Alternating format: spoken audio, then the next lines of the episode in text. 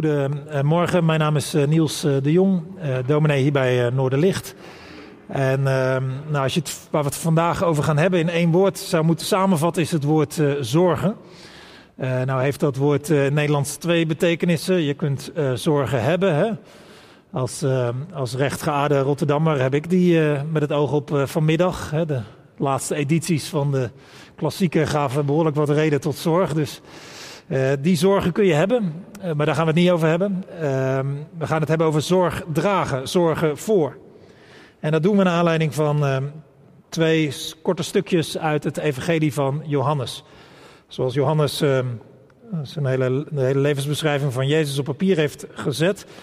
Eh, dat volgen we een, twee stukjes uit het stuk waar het lijden van Jezus wordt beschreven. Johannes 13. Uh, en waar we met name bij stilstaan, het stukje uit Johannes 19. In Johannes 13, daar vallen we een beetje midden in het verhaal, maar Jezus heeft daar net een voorbeeld gegeven uh, door zijn leerlingen de voeten te wassen. Uh, dat was in die tijd slavenwerk. iedereen voelde zich daar te goed voor. En Jezus, overduidelijk de leider van de groep, gaat hem door zijn knieën en wast ieder de voeten. En dan staat er dit, en je kunt meelezen. Toen Jezus hun voeten gewassen had, deed hij zijn bovenkleed aan en ging weer naar zijn plaats. Begrijpen jullie wat ik gedaan heb? vroeg hij. Jullie zeggen altijd meester en heer tegen mij en terecht, want dat ben ik ook. Maar als ik, jullie heer en jullie meester, je voeten gewassen heb, moet je ook, ook elkaars voeten wassen. Ik heb een voorbeeld gegeven, wat ik voor jullie heb gedaan, moeten jullie ook doen. Waarachtig, ik verzeker jullie, een slaaf is niet meer dan zijn meester en een afgezant niet meer dan wie hem zendt. Je zult gelukkig zijn als je dit niet alleen begrijpt, maar er ook naar handelt. En in Johannes 19, daar lezen we dit stukje vanaf vers 25. Bij het kruis van Jezus stonden zijn moeder met haar zuster Maria, de vrouw van Klopas, en Maria uit Magdala. Toen Jezus zijn moeder zag staan en bij haar de leerling van wie hij veel hield, zei hij tegen zijn moeder: Dat is uw zoon. En daarna tegen de leerling: Dat is je moeder. Vanaf dat moment nam die leerling haar bij zich in huis. Op de voorbereidingsbijeenkomst van deze, deze dienst lazen we ook met elkaar dit, uh, dit tweede stukje. En uh, Anju merkte toen op van, uh, het lijkt wel alsof even de camera inzoomt bij een klein stukje. Het verhaal, het grootste verhaal van de kruisiging van Jezus. En dan opeens staat de camera stil bij iets waar je zomaar ook aan voorbij zou gaan. Iets wat je zelf helemaal niet zo snel zou regisseren misschien of overheen zou lezen. Ja, dat zou zomaar kunnen, maar dan, dan zouden we wel echt iets, iets missen. De schrijver Johannes doet dat trouwens vaker. Even de camera bij iets stil laten staan waar, waar je zomaar aan voorbij zou kunnen gaan. Er zijn nog drie andere levensbeschrijvingen van Jezus in de, in de Bijbel en, en Johannes kende die. En uh, dingen die daar heel goed en uitgebreid zijn verteld, die, die laat hij achterwege. Dus je vindt in het Johannes-evangelie niks over de geboorte van Jezus, niks over het kerstverhaal. En ook de beroemde verhalen van Jezus, die vind je niet in het evangelie van Johannes. En het is alsof hij als ooggetuige nog extra dingen wil toevoegen aan die drie bestaande levensbeschrijvingen. Dingen die, die, die niet gemist konden worden in, in zijn optiek. Waar hij toch even de aandacht op wil vestigen. En dat is ook wat er bij die kruisiging gebeurt. Johannes laat daar dingen zien die de andere evangeliën niet hebben. De andere evangeliën kennen bijvoorbeeld vier woorden, vier dingen die Jezus heeft gezegd vanaf het kruis. Johannes benoemt die niet, maar voegt er drie andere aan toe. Zodat we uiteindelijk zeven kruiswoorden van Jezus hebben. En een van de drie die Johannes beschrijft is ja, wat we net gelezen hebben. Die verbinding van uh, Maria, uh, de moeder van Jezus, aan Johannes, een leerling van Jezus. Maar goed, laten we dan maar even die camera volgen even bij, bij stilstaan bij wat, wat dat er nou gebeurt. Wat gebeurt daar precies? Nou, Jezus is gekruisigd en daaronder of in de buurt van het kruis staan een aantal vrouwen waaronder de moeder van Jezus. En ook Johannes, die wordt hier de leerling van wie Jezus veel hield, genoemd. Johannes, het lijkt erop dat Johannes zijn eigen naam niet wil noemen, omdat hij zichzelf als schrijver ook niet te veel onder de aandacht wil brengen, maar vooral de mensen wil laten letten op, op Jezus. Daarom noemt hij zo zichzelf hier. Een groepje vrouwen dus en Johannes. Zij staan bij het kruis. Zij durfden dichterbij te komen.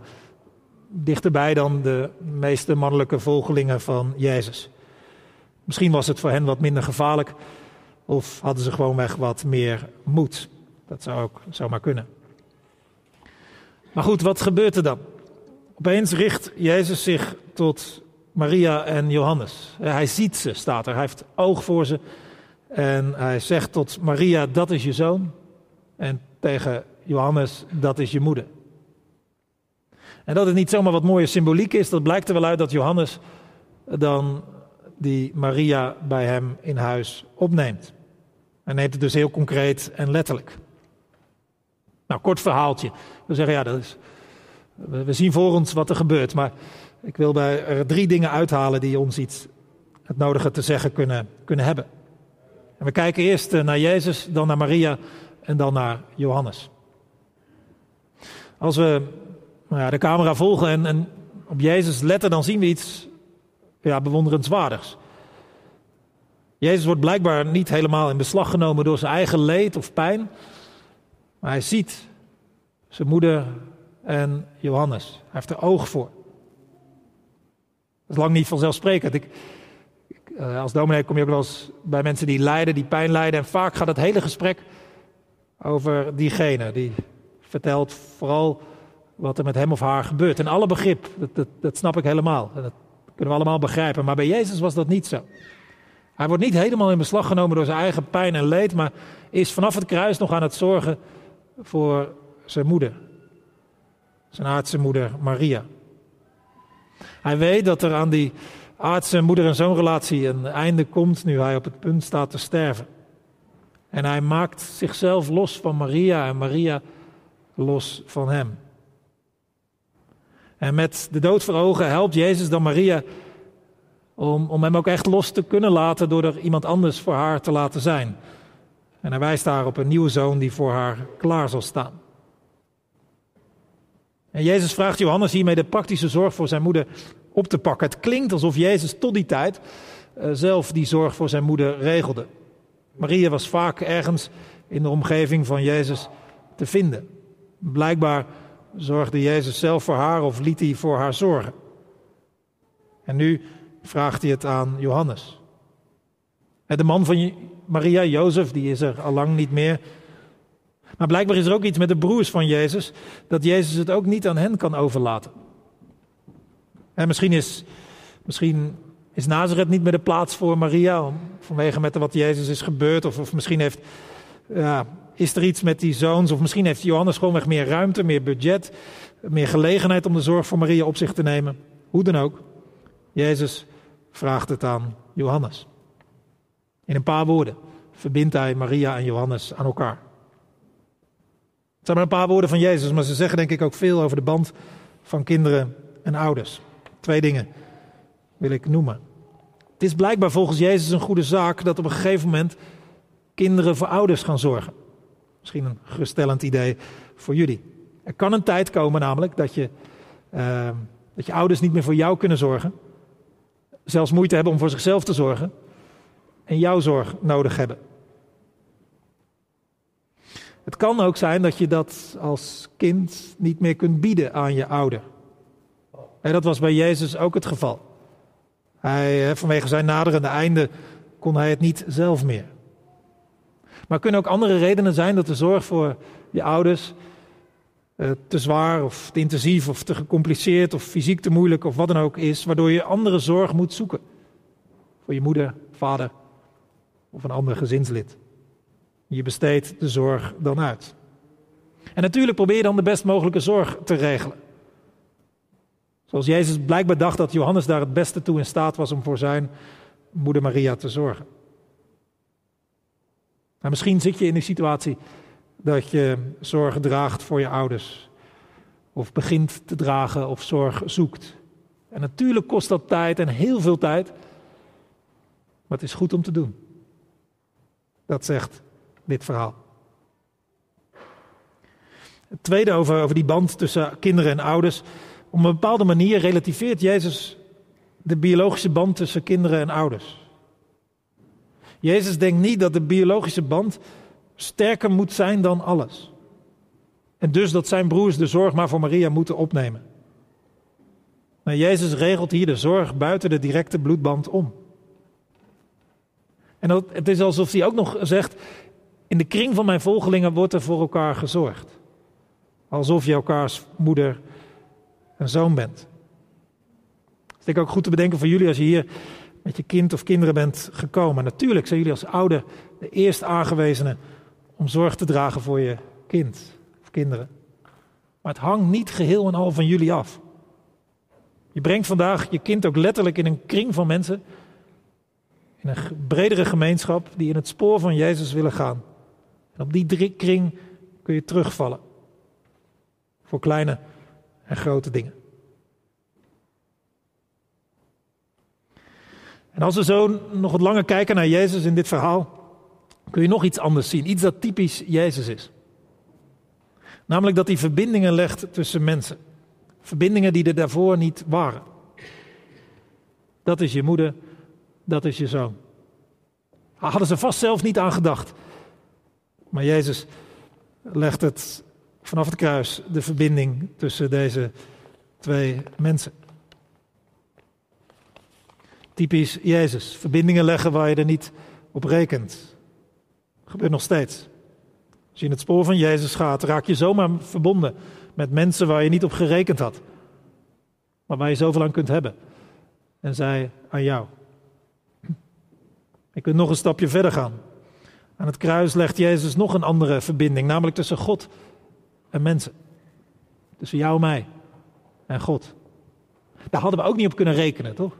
Lag ook helemaal niet in de lijn de verwachting, hadden we helemaal niet naar gemaakt. Maar via het kruis maakt Jezus het goed. Zorgt voor een onverbrekelijke band. Zo, zo ver gaat die zorg van Jezus voor jou en mij. Dat voortaan, dankzij Hem, God ons opneemt in Zijn huis. Dat we een thuis hebben bij God. Je, je bent niet aan jezelf overgeleverd. Er is een onverbrekelijke band gelegd tussen jou en God de Vader. Dat is in ieder geval wat Jezus wil regelen. Dat je altijd een plek hebt bij God. Nou ja, dat is het eerste vandaag. Als we naar Jezus kijken, dan zien we dat hij verbindingen legt tussen mensen die voor elkaar zorgen. En nog dieper, hij zorgt voor een verbinding tussen God en jou en mij. De camera verschuiven we iets en we kijken naar Maria.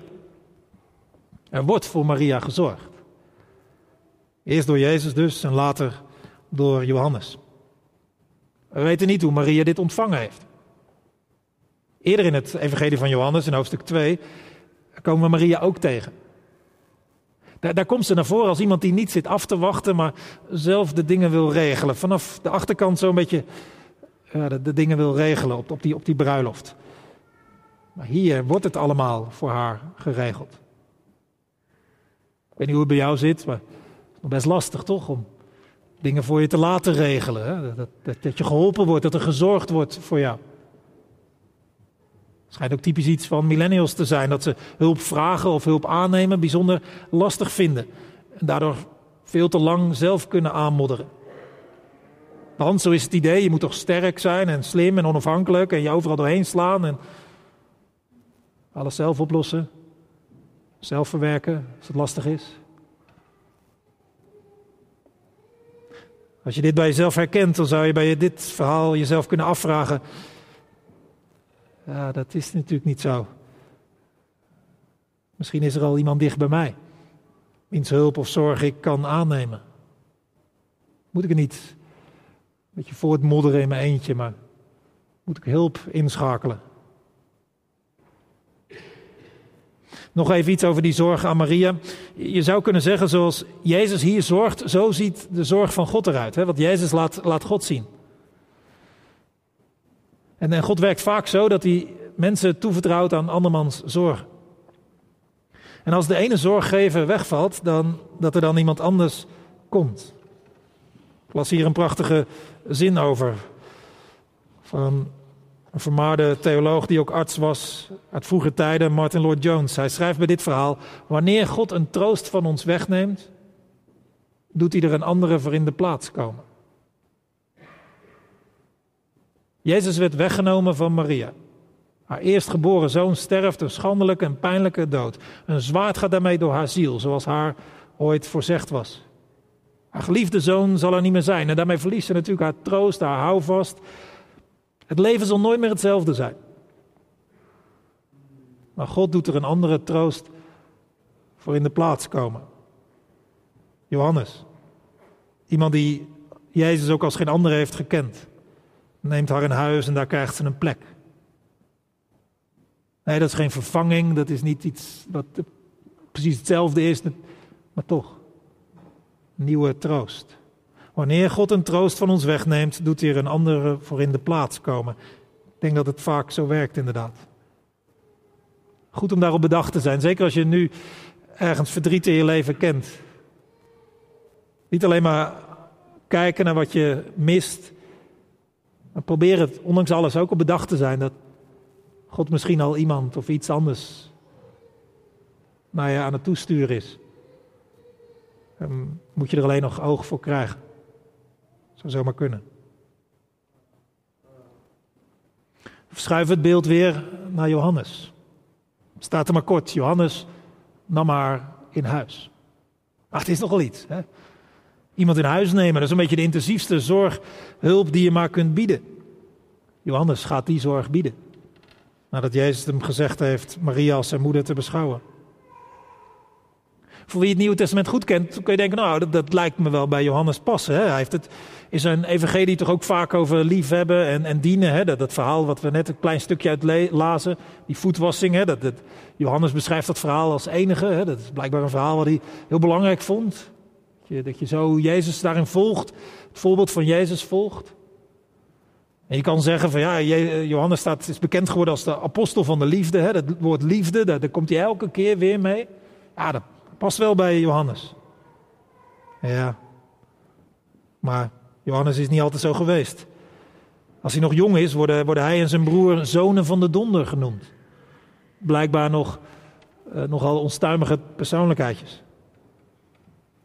En, en, en Johannes die lijkt in zijn jonge jaren eerder van de revolutie dan, dan van, de, van de zorgzaamheid. En er is een moment dat hij, dat hij samen met zijn broer Jezus apart neemt en, en tegen Jezus zegt, nou, straks als uw rijk echt een beetje doorgebroken is, dan wij, hè, links, rechts, beste plekken. Ja, ze willen wel macht hebben, willen invloed hebben, dat zien ze wel voor zich. Johannes is eerder van het heersen dan van het dienen. En dat vertelt Jezus hem dan ook. Dat het juist andersom, andersom zou moeten zijn bij zijn volgelingen. Maar blijkbaar heeft Jezus dan op een bepaald moment voldoende vertrouwen in Johannes om hem de zorg voor zijn moeder toe te vertrouwen. En Johannes beschaamt dat vertrouwen niet. Staat niet in de Bijbel, maar het verhaal gaat dat Johannes tot de dood van Maria in Jeruzalem is gebleven om de zorg voor Maria te dragen. En dat hij daarna pas buiten Jeruzalem is gaan werken en uiteindelijk in Efeze is gaan werken om de christelijke gemeente daar te gaan leiden. Later heeft hij nog meer gemeenten onder zijn hoede. Misschien was die zorg voor Maria wel de noodzakelijke voorbereiding voor hem om goed zorg te kunnen dragen voor de mensen die hij later onder zijn hoede zou krijgen. Hoe dan ook, Johannes had gevraagd om de beste plek, het hoogste ambt, een mooie positie. En Jezus vraagt hem om één mens in huis te nemen. Goed om te bedenken als je in het spoor van Jezus wil leven. Jezus is niet bezig om je status te verhogen of je positie te verbeteren. Maar Jezus kijkt of jij misschien voor één iemand kan gaan zorgen. Voor wie zouden we zorg kunnen dragen? Dat is de vraag als we naar Johannes kijken. En voor jullie is het duidelijk voor wie je de komende jaren te zorgen hebt. Je hebt iemand in huis opgenomen. Zelfs twee tegelijk. Jullie, Verlien, Seb, Dagmar, Fine, Emma en Nina, ze zijn toevertrouwd. En jullie zorgen, jullie hebben dat opgepakt. Een groot geschenk en een grote opdracht tegelijk. En hopelijk gaan jullie kinderen aan jullie zorg aflezen hoe hij of zij later weer naar een ander kan omzien en zorg dragen? Voor wie zouden wij zorg kunnen dragen? Die vraag zouden we ook aan ons als kerk kunnen stellen. Want een kerk die iets van Jezus weggeeft, is alert en oplettend naar elkaar en naar wie er langskomt. Er zijn er misschien mensen die op ons pad komen, die geliefden zijn kwijtgeraakt, die zorg nodig hebben. Zijn er die geen onderdak hebben, voor wie wij er als gemeente kunnen zijn of iets kunnen helpen? Komen er misschien mensen uit Oekraïne deze kant op, dichterbij? Dan kunnen ze rekenen op de zorg van de kerk in het algemeen, of Noorderlicht in het bijzonder. Maar laten we nog een stap verder gaan en het onszelf afvragen als we naar Johannes kijken. Johannes nam één concreet mens in huis. Deelde zijn huis, zijn leven, misschien wel zijn gezin met haar. Hij nam verantwoordelijkheid voor haar. Bood haar veiligheid en bescherming in tijden waar geen sociaal vangnet was voor weduwen. Volgen wij Johannes na. Misschien heb je handen al vol aan jezelf en aan je huidige zorglast. Volg je blijkbaar Johannes al na. Misschien heb je wel ruimte. In de agenda. In je huis. In je hart. En is er misschien iemand, misschien staat diegene al vlakbij. Of komt hij de komende tijd op je pad voor wie je kunt zorgen. Het kan natuurlijk zijn dat je leven zo volgepropt. Je zo bezig bent met je eigen positie en met je eigen status en met je eigen goede plek in het leven te krijgen, dat je helemaal geen ruimte hebt. Dan klopt er iets niet. Begin maar met één mens, zou ik zeggen. Een kind of een tiener die alleen al geholpen is als die af en toe bij jou op de bank kan zitten. Of die vrouw, die man die even een time-out nodig heeft. Of die ene persoon wiens netwerk zo klein is dat één uurtje per week zorg, aandacht al zoveel zou kunnen doen. Begin maar met één iemand. Ik sluit af en vat samen. Als we zo naar deze korte gebeurtenis kijken, tot ons door laten dringen wat dit verhaal zegt, dan komen we als het ware ook bij dat kruis van Jezus te staan.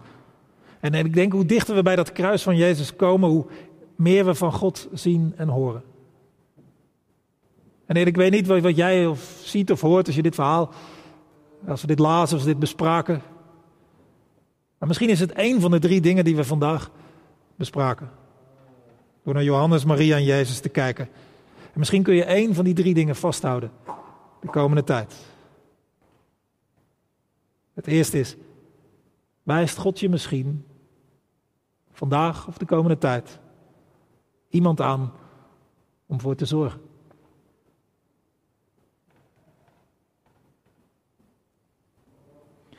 Of wijst God je misschien vandaag of de komende tijd iemand aan om zorg van aan te nemen.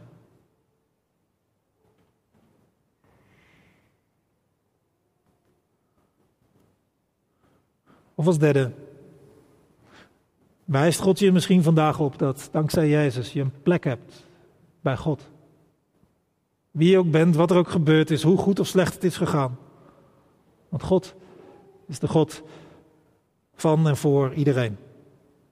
Niemand is te goed of te slecht voor God. En daar gaat het volgende lied ook over. Amen.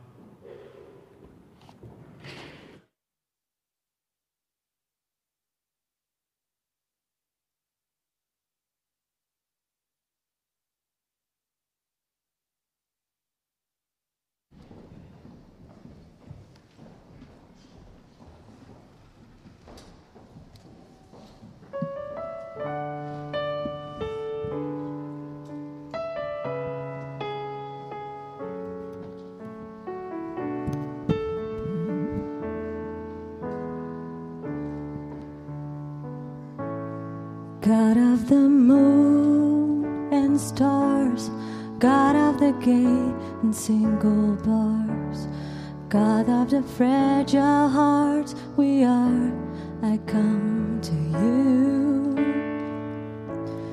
God of our history, God of the future that will be, what will you make of me?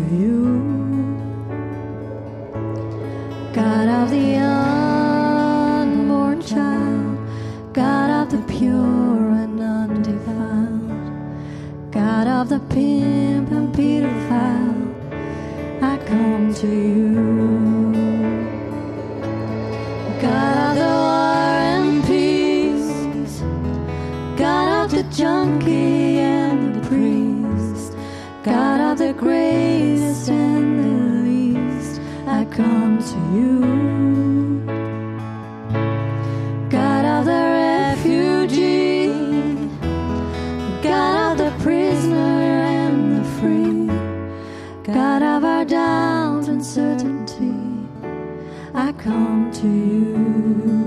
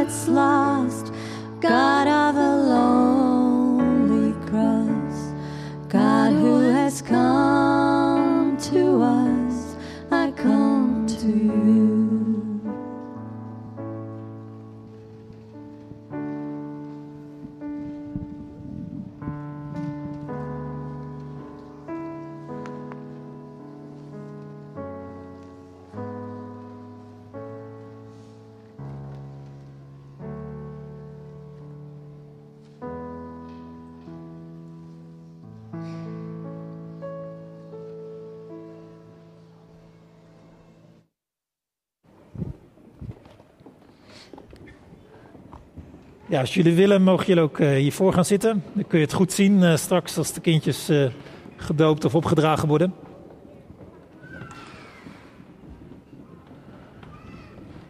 Je mag daarbij gaan zitten. Ik hoop dat er plek is.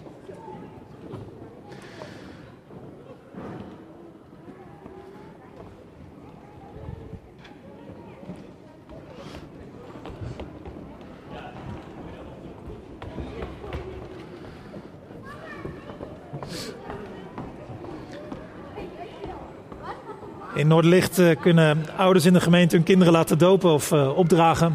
En dat eh, doen we omdat we de Bijbel zo begrijpen dat voor God de kinderen er al helemaal bij horen. Vandaag worden Julie en Feline opgedragen en Seb, Dagmar, Fine, Emma en Nina gedoopt. Voordat we dat doen, zullen een aantal ouders een, een toelichting geven. We hebben afgesproken welke volgorde, maar eerst Steven en dan de anderen. En voor de mensen die willen weten als ze aan toe zijn, eh, Steven is de langste de- van stof. Dus eh, daarna wordt het alleen maar korter. Ja, goedemorgen. Eh, fijn dat ik een, eh, kort een paar woorden tot jullie kan richten bij het eh, opdragen van onze tweeling. Staan ook immers niet zo vaak twee mannen met een tweeling van twee jaar op het podium straks bij Noorderlicht. En eh, ik heb een kort praatje gemaakt, maar natuurlijk wel als goed gereformeerd gebruikt met eh, drie punten. Punt 1, twee mannen met een tweeling. Punt 2, een tweeling van twee jaar. En punt 3, bij Noorderlicht. Het eerste punt. Twee mannen met een tweeling. Fred en ik zijn super dankbaar dat we hier mogen staan. We hadden al langer een kinderwens en in 2016 zijn we gestart om hier de invulling aan te gaan geven. Eerst hebben we gekeken naar pleegzor- pleegzorg, maar dat paste, hoe mooi ook, minder bij ons. In de periode daarna zijn we op zoek gegaan naar een co-moeder. En die hebben we na heel wat zoekwerk gevonden. Op slechts anderhalve kilometer van ons huis. We ontmoetten Wenke, leerden elkaar kennen. Hebben in januari 2020 Julie en Feline gekregen. Twee lieve aapjes met een hele hoop temperament, zoals jullie zien. Ze wonen de helft van de week bij ons en de helft van de week bij de moeder. En dat gaat supergoed. Tijdens de kennismaking met Wenke hebben we ruim 50 vragen doorlopen.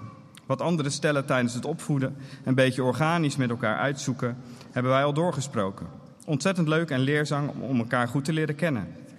Wat lijkt je leuk aan het ouderschap? Hoe ga je om met verwennen? Wat voor soort school lijkt je goed? Vlees of geen vlees? Wat wordt de rol van de opa's en de oma's? En hoe gaan we de dagen verdelen? En de vakanties? En hoe gaan we om met geloof en overtuigingen? Punt 2. Een tweeling van twee jaar. Het was mijn wens om de meis- meisjes te laten opdragen. En ze ook wat mee te geven over het geloof. Voor Fred en Wenke was dat minder vanzelfsprekend. Maar gelukkig zijn ze hier allebei vandaag. Want als je niet gelooft of in iets gelooft, is het best een beetje bizar wat we allemaal geloven. Ik begrijp dat maar al te goed. Laatst hoorde ik een christelijke wetenschapper op tv zeggen: Als je bedenkt wat christenen geloven, dan zitten daar gekke dingen bij. Wij geloven dat de zoon van God op aarde kwam en dat hij werd geboren als een menselijke baby. Hij groeide op, stierf, hij rees uit de doop, steeg ten hemel. En dat we ook nog eens door, door zijn offer te accepteren een nieuw spiritueel leven hebben gekregen. We geloven dat we geestelijk dood waren en nu geestelijk leven. En we geloven dus ook dat als dit lichaam sterkt, dat elk aspect van, van wie we zijn, dat dat verdwijnt. Maar dat onze geest voortleeft. Het zijn best gekke dingen om te geloven. Poeh, hé, moet ik dat gaan uitleggen aan die meiden? Maar hoe dan? Dat is toch voor professionals? De vanzelfsprekendheid waarmee mijn ouders mij hebben opgevoed, dat kan ik niet, joh. Dat gaat mij niet lukken in deze postchristelijke samenleving. Een geloof dat gebaseerd is op, ge- eh, gebaseerd is op een, ik citeer Maarten van Rossum, gewelddadig, krankjorum en idioot boek. Terug naar die wetenschappen. Waarom gelooft zij dit dan? Allereerst omdat de wetenschap dit alles niet weerspreekt. Want wetenschap zegt niets over de geest. En zegt niet over de dingen die we niet kunnen waarnemen met onze ogen, verstand en wetenschappelijke apparatuur. En het tweede was, ze weet dat God bestaat en ze, weet, en ze weet dat niet door de wetenschap, ze weet dat door hart en ziel. En die woorden geven mij kracht. Geloof gaat de wetenschap te boven, of zegt in elk geval er niets over. Ze spreken elkaar in elk geval niet tegen. De kern is dat ik dat geloof en dat, de kern is dat ik geloof dat God hoop biedt. En die, ondanks mijn onrust, en zeker in deze tijd rust biedt. Die van jullie en van mijn meisjes houdt. En van iedereen houdt. En ik geloof dat er meer is en dat hij via Jezus ooit goed gaat maken. Voor iedereen. Moeilijk om te geloven, ja, het is een bizar verhaal. En als de meiden het niet zullen geloven, dan zal ik dat ook begrijpen. Het is hun keuze om zich te laten dopen. Door het opdragen van de meisjes vandaag, je begrijpt mijn zoektocht, ik had er los van corona twee jaar voor nodig, wil ik de, meis, wil ik de meisjes heel graag laten zegenen en beloof ik ze helpen te, helpen bij hun zoektocht. En zo zullen Fred en Wenke dat op, op hun manier doen. Laatste puntje, bij Noorderlicht. Ik ben nog niet zo lang licht bij Noorderlicht. Ik ben afgelopen tijd op zoek geweest naar een fijne, inclusieve kerk om weer te groeien in mijn geloof. En waar ik de meisjes op termijn wil laten kennismaken met het geloof. Die lijk ik te gevonden te hebben. En het bijzondere is, Wenke, de moeder, die woont tegenover aan de Statensingel en geniet elke dag van het uitzicht op de vijver. Met de bomen en de kerk. Dankjewel.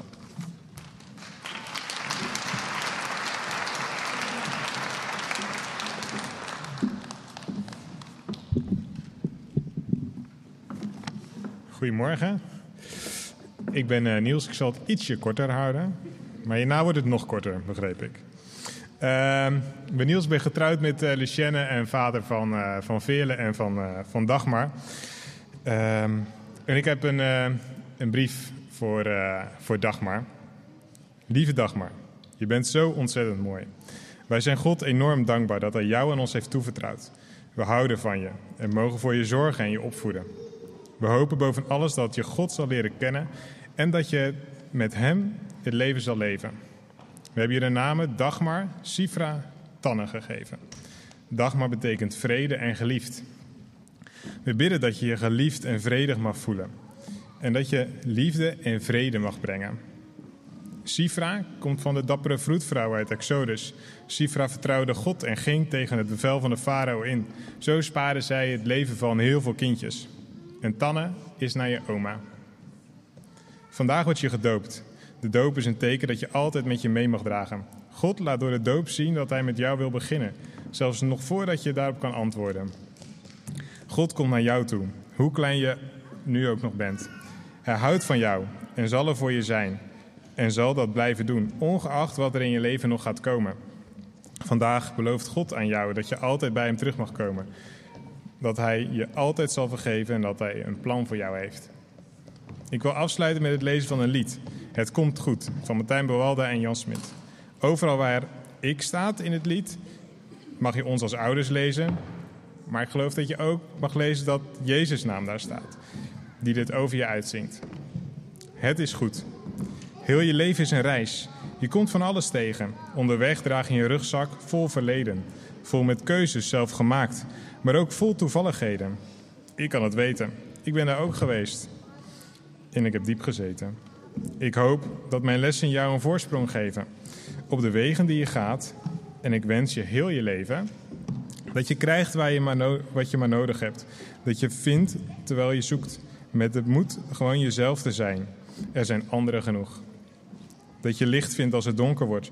En dat alles wat je doet door de liefde wordt omgeven. Dan zul je weten, het is goed. Stel je open. Kom je zelf maar rustig onder de ogen. Geen van ons blijft heel en ongebroken. Leg wat fout ging bij meneer. De reis is nog niet over.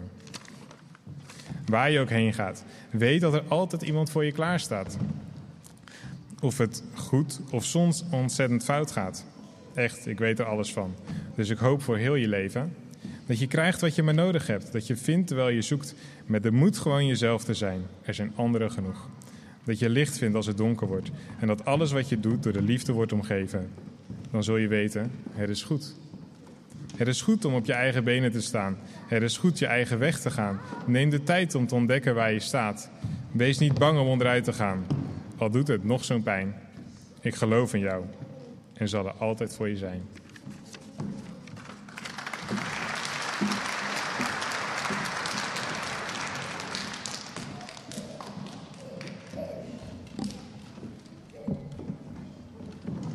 Goedemorgen allen. Wij zijn Lennart en Anju, de ouders van Emma en Nina. Wij zijn weer de kinderen van Dani en Gonnie Nieuwoud en Jos en Nelly Maris. Net zoals wij gedoopt zijn in Zuid-Afrika en Nederland, kiezen wij er vandaag voor om onze kinderen te laten dopen. Lieve Emma en Nina, we zien jullie doop als een bijzondere markering waarin God laat zien hoeveel Hij van jullie houdt. Hij wil jullie er graag bij hebben en jullie de weg wijzen. Wij willen jullie meegeven dat jullie onderdeel zijn van iets groters, het Koninkrijk van God. Als onderdeel van iets groters sta je sterker en kun je altijd je weer terugrichten op de kern. We zien het ook als een symbool voor dankbaarheid, dat het opgroeien van jullie levens aan ons als ouders is toevertrouwd. En ik wil afsluiten met een aantal regels uit een gedicht van dominee Roos over dopen. Het water dat geen water is, dat grondeloos geheimen is, stroomt over alle leven heen. Mijn kind, je bent nooit meer alleen. En maak je levenslang bewust dat er een water is van rust.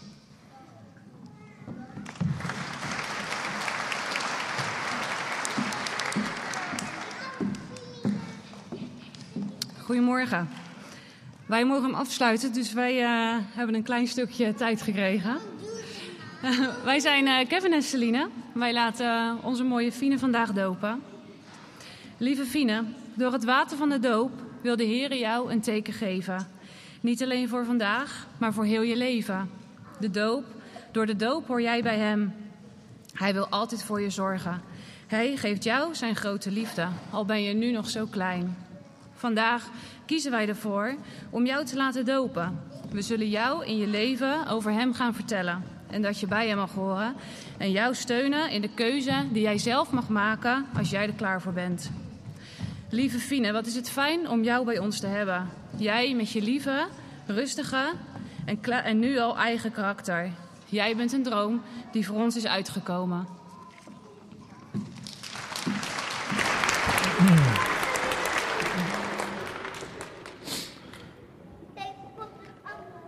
Jullie eh, geduld wordt nog wel een beetje beproefd, eh, jongens. Want ik ga ook nog een klein stukje lezen.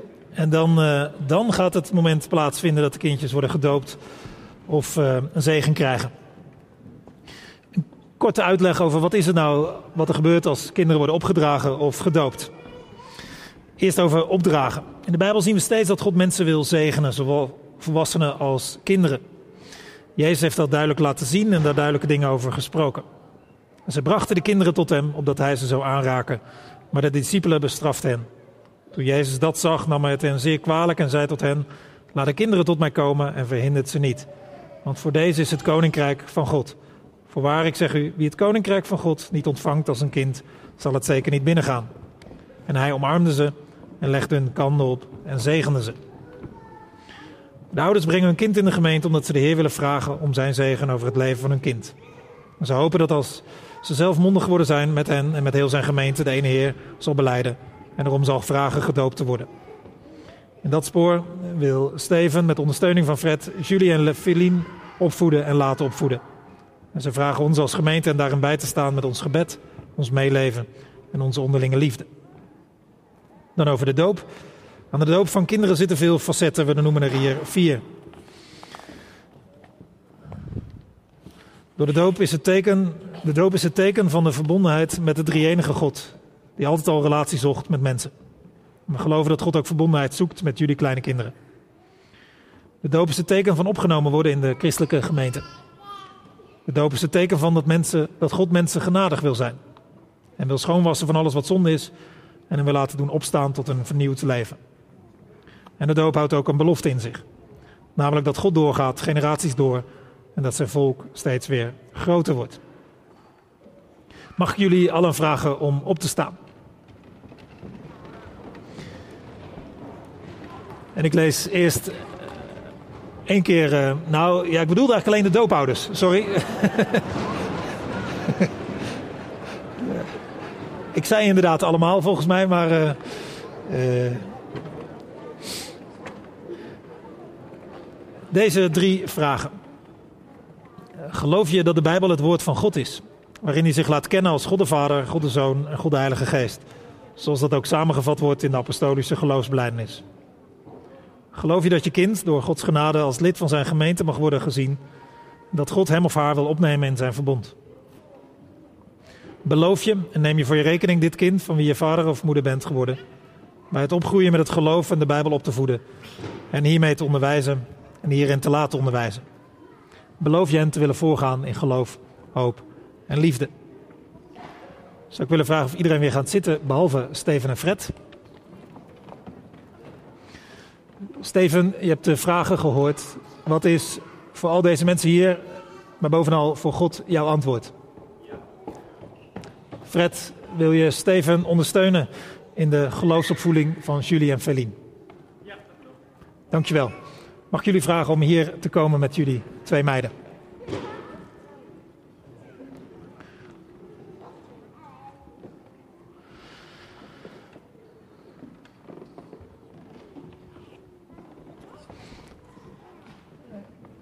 Ja, ik zie natuurlijk niet wie wie is, maar is dit? Feline. Ik leg er de hand op. Feline Kobi van der Wulp, mogen de Heer je zegenen en beschermen. Mogen de Heer het licht van zijn gelaat over je doen schijnen en je genadig zijn. Mogen de Heer je zijn gelaat toewenden en je vrede geven. En vanuit Johannes 10, vers 10 krijg je mee dat Jezus zegt: Ik ben gekomen om je het leven te geven in al zijn volheid. Amen.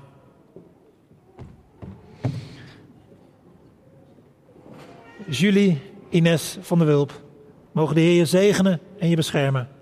Mogen de Heer het licht van zijn gelaat over je doen schijnen en je genadig zijn. Mogen de Heer je zijn gelaat toewenden en je vrede geven.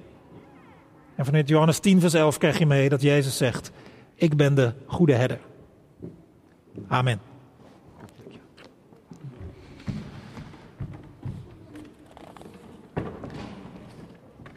Niels en Lucien. Ook jullie hebben de vragen gehoord. Wat is jullie antwoord voor al deze mensen hier en bovenal voor God? Mag ik jullie uitnodigen om bij het doopvond te komen met Dagmar?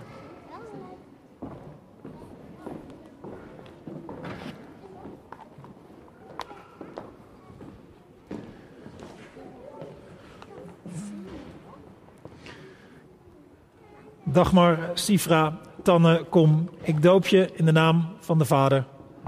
Ik doop je in de naam van de Zoon. En ik doop je in de naam van de Heilige Geest. En vanuit Johannes 14, vers 27 krijg je mee. Mijn vrede geef ik je, zoals de wereld die niet geven kan. Maak je niet ongerust en verlies de moed niet. Amen.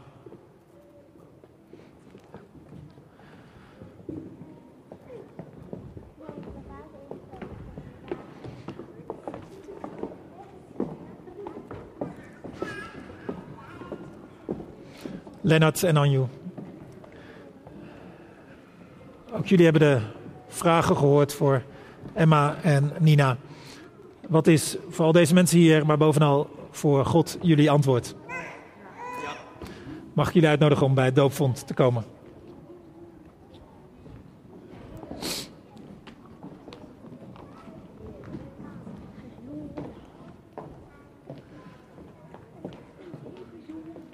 Zullen we haar wel gunnen dat ze als eerste gedoopt is? Dat dan wel? Ja.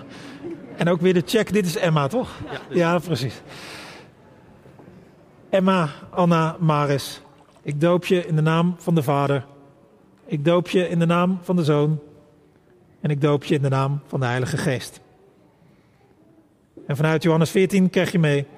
Wie mij lief heeft, zal de, vader, zal de liefde van de Vader en mij ontvangen. Dat zegt Jezus. Amen.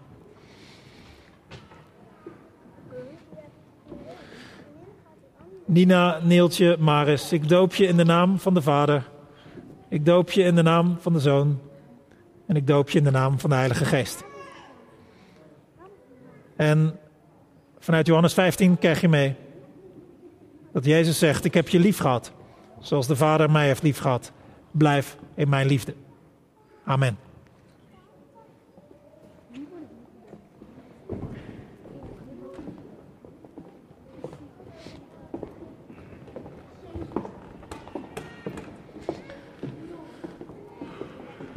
Kevin en Celine. Ook jullie hebben de vragen gehoord. En wat is voor al deze mensen hier, natuurlijk ook voor de mensen die meekijken, en bovenal voor God, eh, jullie antwoord? Mag ik jullie uitnodigen bij het doopvond? Ja, jij mag er wel bij staan, vind ik.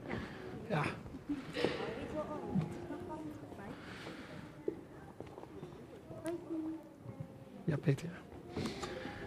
Fine Joline Neleman, ik doop je in de naam van de Vader. Ik doop je in de naam van de Zoon. En ik doop je in de naam van de Heilige Geest. En je krijgt mee vanuit Johannes 13, vers 17. Je zult gelukkig zijn als je dit niet alleen begrijpt, maar er ook naar handelt. Amen.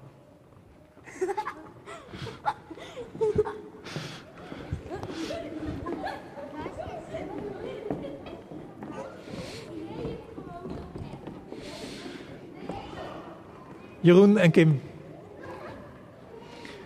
Jullie zijn hier gekomen met Seb. Wat is voor al deze mensen hier, de mensen die meekijken en bovenal voor God, jullie antwoord op de gestelde vragen? Mag ik jullie uitnodigen om bij het doopvond te komen?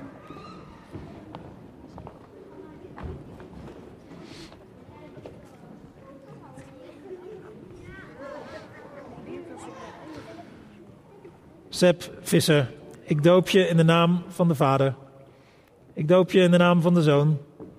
En ik doop je in de naam van de Heilige Geest. En vanuit Johannes 15 krijg je mee. Als iemand in mij blijft, zegt Jezus, en ik in hem, zal hij veel vrucht dragen. Amen.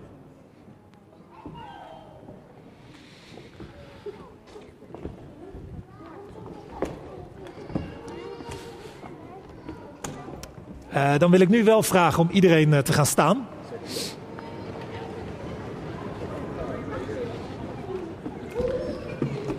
En ik heb een eh, vraag eh, voor iedereen. Ehm, gemeente van Noorderlicht, willen jullie deze kinderen die vandaag gedoopt of opgedragen zijn, in liefde ontvangen en gedenken in de gebeden en hen en hun ouders omringen met jullie zorg? Wat is hierop jullie antwoord? Dank jullie wel. Dan willen we deze kinderen en hun ouders een zegenlied toezingen.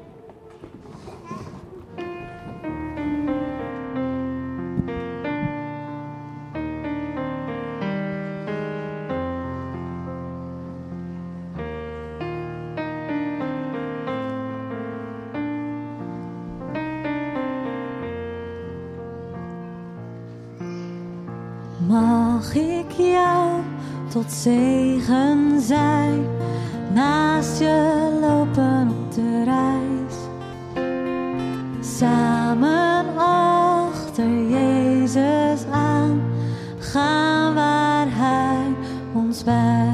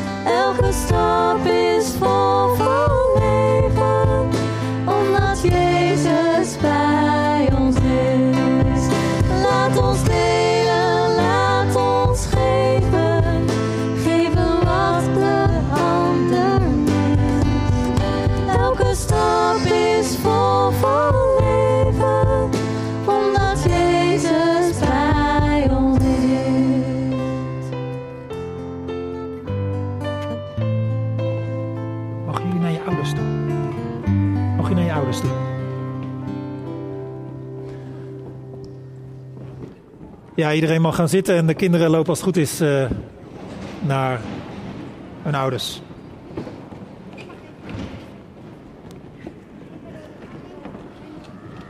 En de kinderen hebben nog bloemen gemaakt. Of nee, nog anders gezegd bloembolletjes. Die hebben daarover nagedacht, zijn aan het werk geweest. En dat krijgen alle ouders als het goed is. Ik denk hier zijn nog. eh, Ja. Nee, die komen er weer aan. Ja. Kijk, daar, eh, die bloeien zelfs al. Die zijn voor deze twee eh, dames. Ja.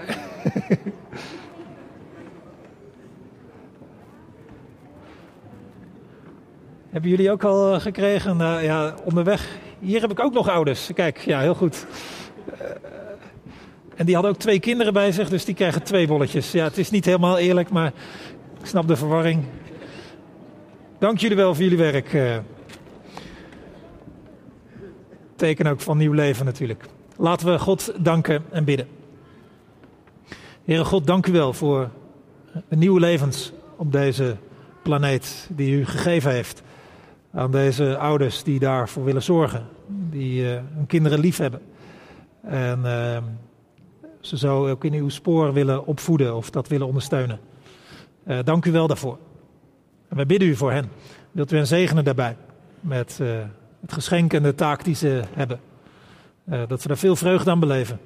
En ook als het soms lastig is, eh, veel steun van u van ontvangen.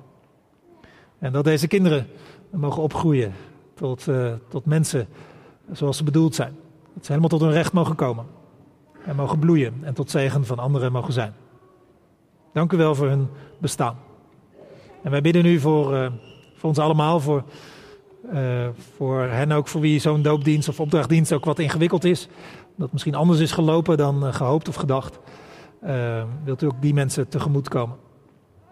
Wees u zo met eh, alle kinderen van de gemeente dat zij een plek hebben ook hier.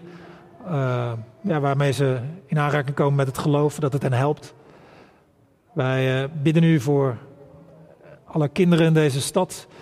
Met name voor hen met wie het niet goed gaat of waar, eh, waar moeilijkheden zijn. Ontfermt u zich. Geef dat er zorg voor hen zal zijn. Wij bidden u voor mensen, kinderen die in eh, hele moeilijke omstandigheden opgroeien. In oorlogstijd, in, eh, ja, waar, het, waar veel gebrokenheid is of geweld of dreiging. Ontfermt u zich alstublieft. Geef dat er toch altijd weer mensen zijn die voor kinderen zullen gaan zorgen. Zo bidden we u voor ons allemaal. Wilt u met ons meegaan? En dat we meenemen wat u wilde dat we meenamen. Dat het in ons hoofd eh, misschien die vragen eh, blijven eh, spelen. Zodat we daarmee ook aan de slag kunnen de komende week. Ga zo met ieder van ons. zegen ons en help ons tot zegen te zijn. Dat is wat we bidden in de naam van Jezus. Amen. We zingen nog een slotlied en daarbij gaan we staan.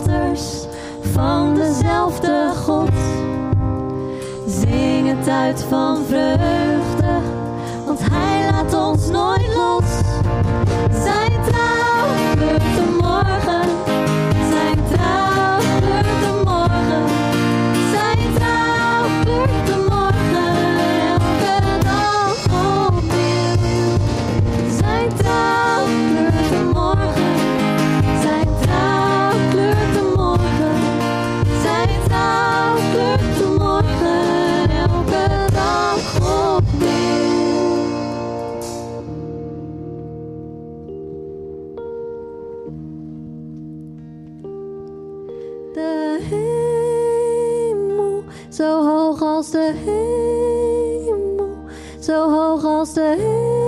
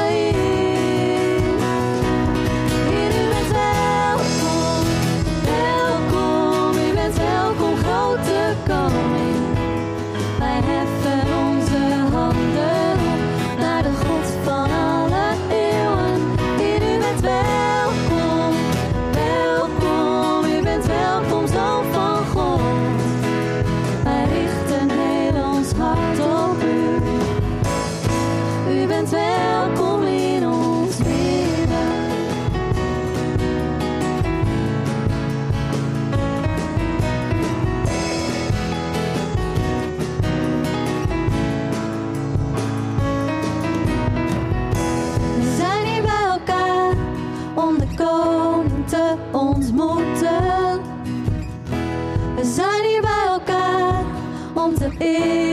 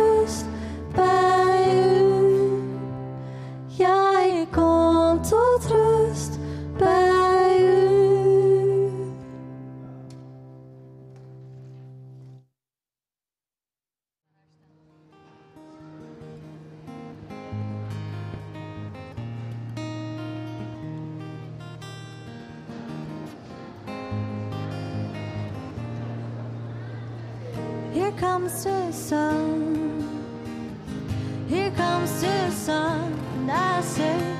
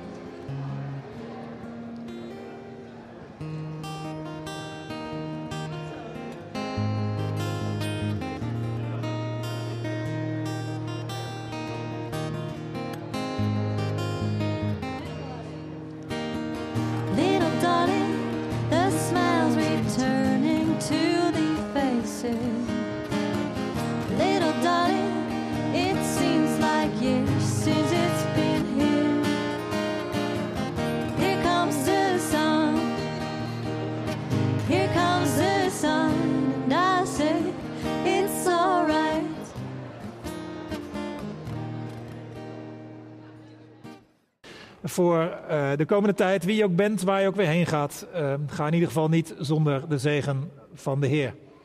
De Heer zij voor je om je de weg te wijzen. De Heer zij naast je om met je mee te gaan van stap tot stap. De Heer zij onder je om je op te vangen als je struikelt. Rondom je om je te beschermen tegen de boze. In je om je te troosten en boven je om je te zegenen. En zo zegenen de Heer je vandaag, morgen en voor altijd. Amen.